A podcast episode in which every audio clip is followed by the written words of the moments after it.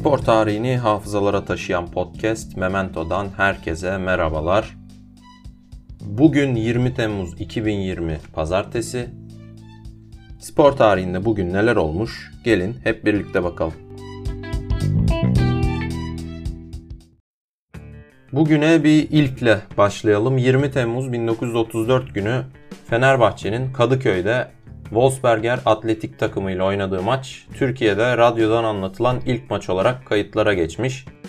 Eşref Şefik Atabey'in anlattığı bu maçın kaç kaç bittiğini bulamadım ama Eşref Şefik Atabey Türk radyoculuğu için, Türk yayıncılığı için e, önemli bir kişiymiş. Biraz ondan biraz da Türk spor yayıncılığının tarihinden bahsederiz.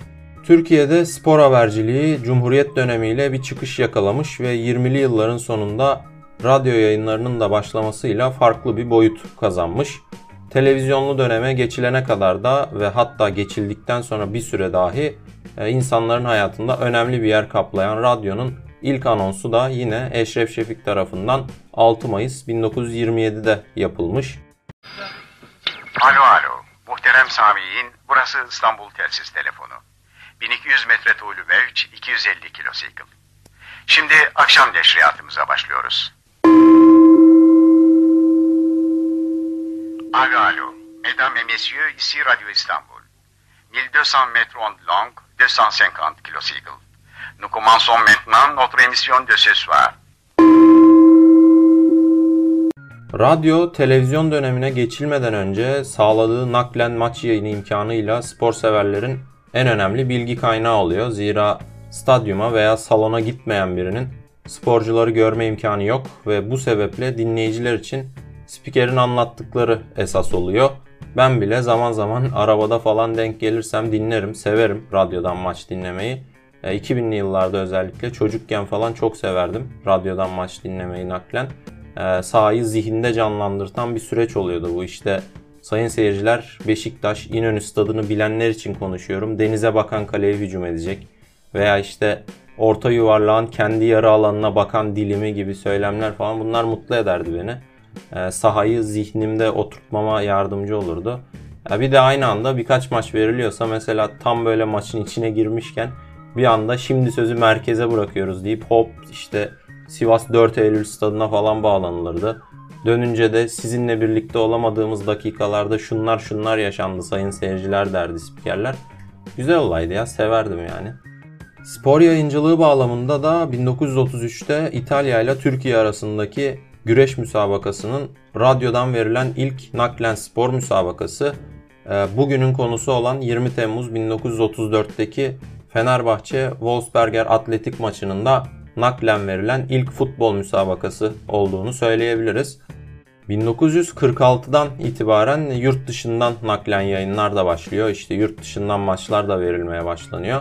Ve 1950'li yıllardan itibaren de radyo spor yayıncılığı konusunda daha da büyük bir ivme kazanarak işte e, Sait Çelebi gibi, Halit Kıvanç gibi ki hala aramızda kendisi gibi isimlerin yön verdiği, damga vurduğu bir alan haline geliyor. Türkiye'nin ilk radyo anonsunu yapan ve bugünün konusu olan maçı da anlatan Eşref Şefik ise futbolla pek ilgili birisi değilmiş aslında. Sonraki yıllarda anlattığı boks ve güreş müsabakalarıyla özellikle daha iyi bilinirmiş ve bu branşlara olan ilgisi de daha yüksekmiş. Fakat e, yüksek spor bilgisi nedeniyle bu maçın anlatımına kendisi verilmiş. Başka adam yokmuş herhalde.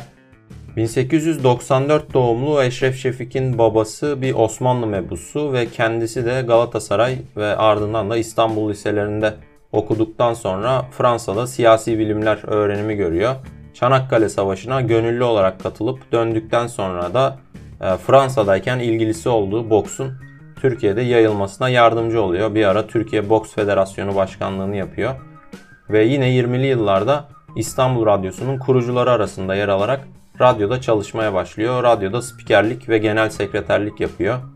Rahat ve günlük hayattan konuşması ve mikrofon başında süt içerken hele şu sütümü bir içeyim diyerek e, bunu dinleyenlerle paylaşması onu daha da tanınır ve sevilir bir insan yapmış zamanında.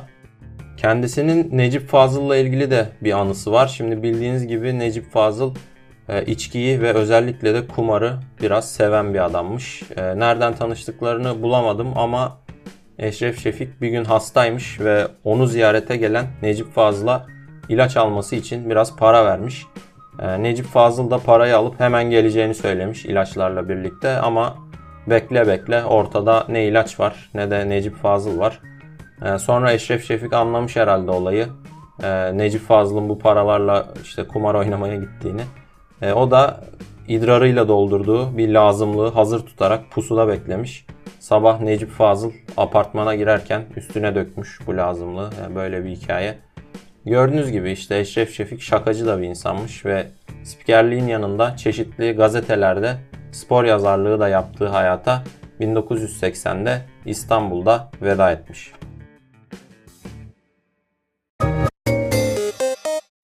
Günü yine Türk futbolu ve özellikle de Beşiktaş tarihinin önemli ve nevi şahsına münasır isimlerinden biriyle kapatıyoruz. 8 yıl formasını giydiği Beşiktaş'ın büyük kaptanı, beyefendi, şakacı ve kendine az kişiliğiyle her futbol severin sempatisini kazanmış Vedat Okyar 20 Temmuz 2009 günü aramızdan ayrılmıştı. Futbola doğduğu Bursa'da başlıyor Vedat Okyar ve Bursa Spor'da oynadığı esnada o zamanlarda Beşiktaş'ta yöneticilik yapan babası Rahmi Okyar'ın vasıtasıyla Beşiktaş'a transfer oluyor ve 8 yıl boyunca burada top koşturuyor. Kaptanlığa kadar yükseliyor. 253 maçta formasını giydiği Beşiktaş'ta 21 gol atan, e, kariyeri boyunca kullandığı 43 penaltının 42'sini gole çeviren, e, profesyonel futbol hayatı boyunca hiç sakatlık yaşamayan Vedat Okyar, Beşiktaş'ın ardından kısa süreli Diyarbakır Spor ve Karagümrük maceraları da yaşayarak futbola veda ediyor. Futbolu bıraktıktan sonra bir süre babasından kalan tekstil işiyle uğraşan fakat daha sonra spor yazarlığına başlayan, e, burada da kendine as üslubuyla taraflı tarafsız herkesin sempatisini ve saygısını kazanırken e, Beşiktaş'a olan bağlılığını her fırsatta dile getirmekten de çekinmeyen Vedat Okyar 20 Temmuz 2009 günü bir süredir mücadele ettiği kolon kanserine yenik düşmüş ve aramızdan ayrılmıştı. Evden limon almaya diye çıkıp 15 gün sonra eve geri dönerek evlilik müessesesindeki tarafını ve duruşunu e, belli eden tartışmalı bir insan olan bu hareketiyle Vedat Okyar'ın e, bugün bu kadar anılmasının sebebi ise tamam iyi bir futbolcuymuş ama futbolculuğundan ziyade Beşiktaş tarihine simge olmuş ve bugün dahi Beşiktaşlılığın şiarlarından birini oluşturan bir olay yaşaması Olay bilinen bir olay zaten. Beşiktaş'la Fenerbahçe arasında oynanan bir TSYD kupası müsabakası var. Türkiye Spor Yazarları Derneği kupası. E, bu maçta Vedat Okyar Osman Arpacıoğlu'yla bir mücadeleye giriyor. E, sert bir mücadele oluyor bu. Ardından bir küfürleşme oluyor ikili arasında. E, Osman Arpacıoğlu Vedat küfür etti diye hakeme itirazda bulunuyor. Peki hakem kim? Memento dinleyicilerinin yakından tanıdığı bir isim. Dünya Kupaları tarihinin ilk kırmızı kartını çıkartan efsane Türk hakem Doğan Babacan. Her neyse Doğan Babacan Vedat Okyar'a Vedat küfür ettin mi diye soruyor. O da ettim deyince oyundan atılıyor. O esnada bir diğer Beşiktaşlı Tezcan Ozan abi ne yaptın ne ettim diyorsun etmedim desene minvalinde konuşunca Vedat Okyar da işte üstümde Beşiktaş forması varken yalan mı söyleyecektim diyor. Önce Müslümanım sonra da elhamdülillah Beşiktaşlıyım diyen Vedat Okyar'ın işte bu sözleri e, şeref, onur, haysiyet parametreleri ekseninde Beşiktaş'a tutunan ve zaman zaman bunların gereksiz romantizmini dahi yapan Beşiktaşların bugün hala dayanaklarından biri.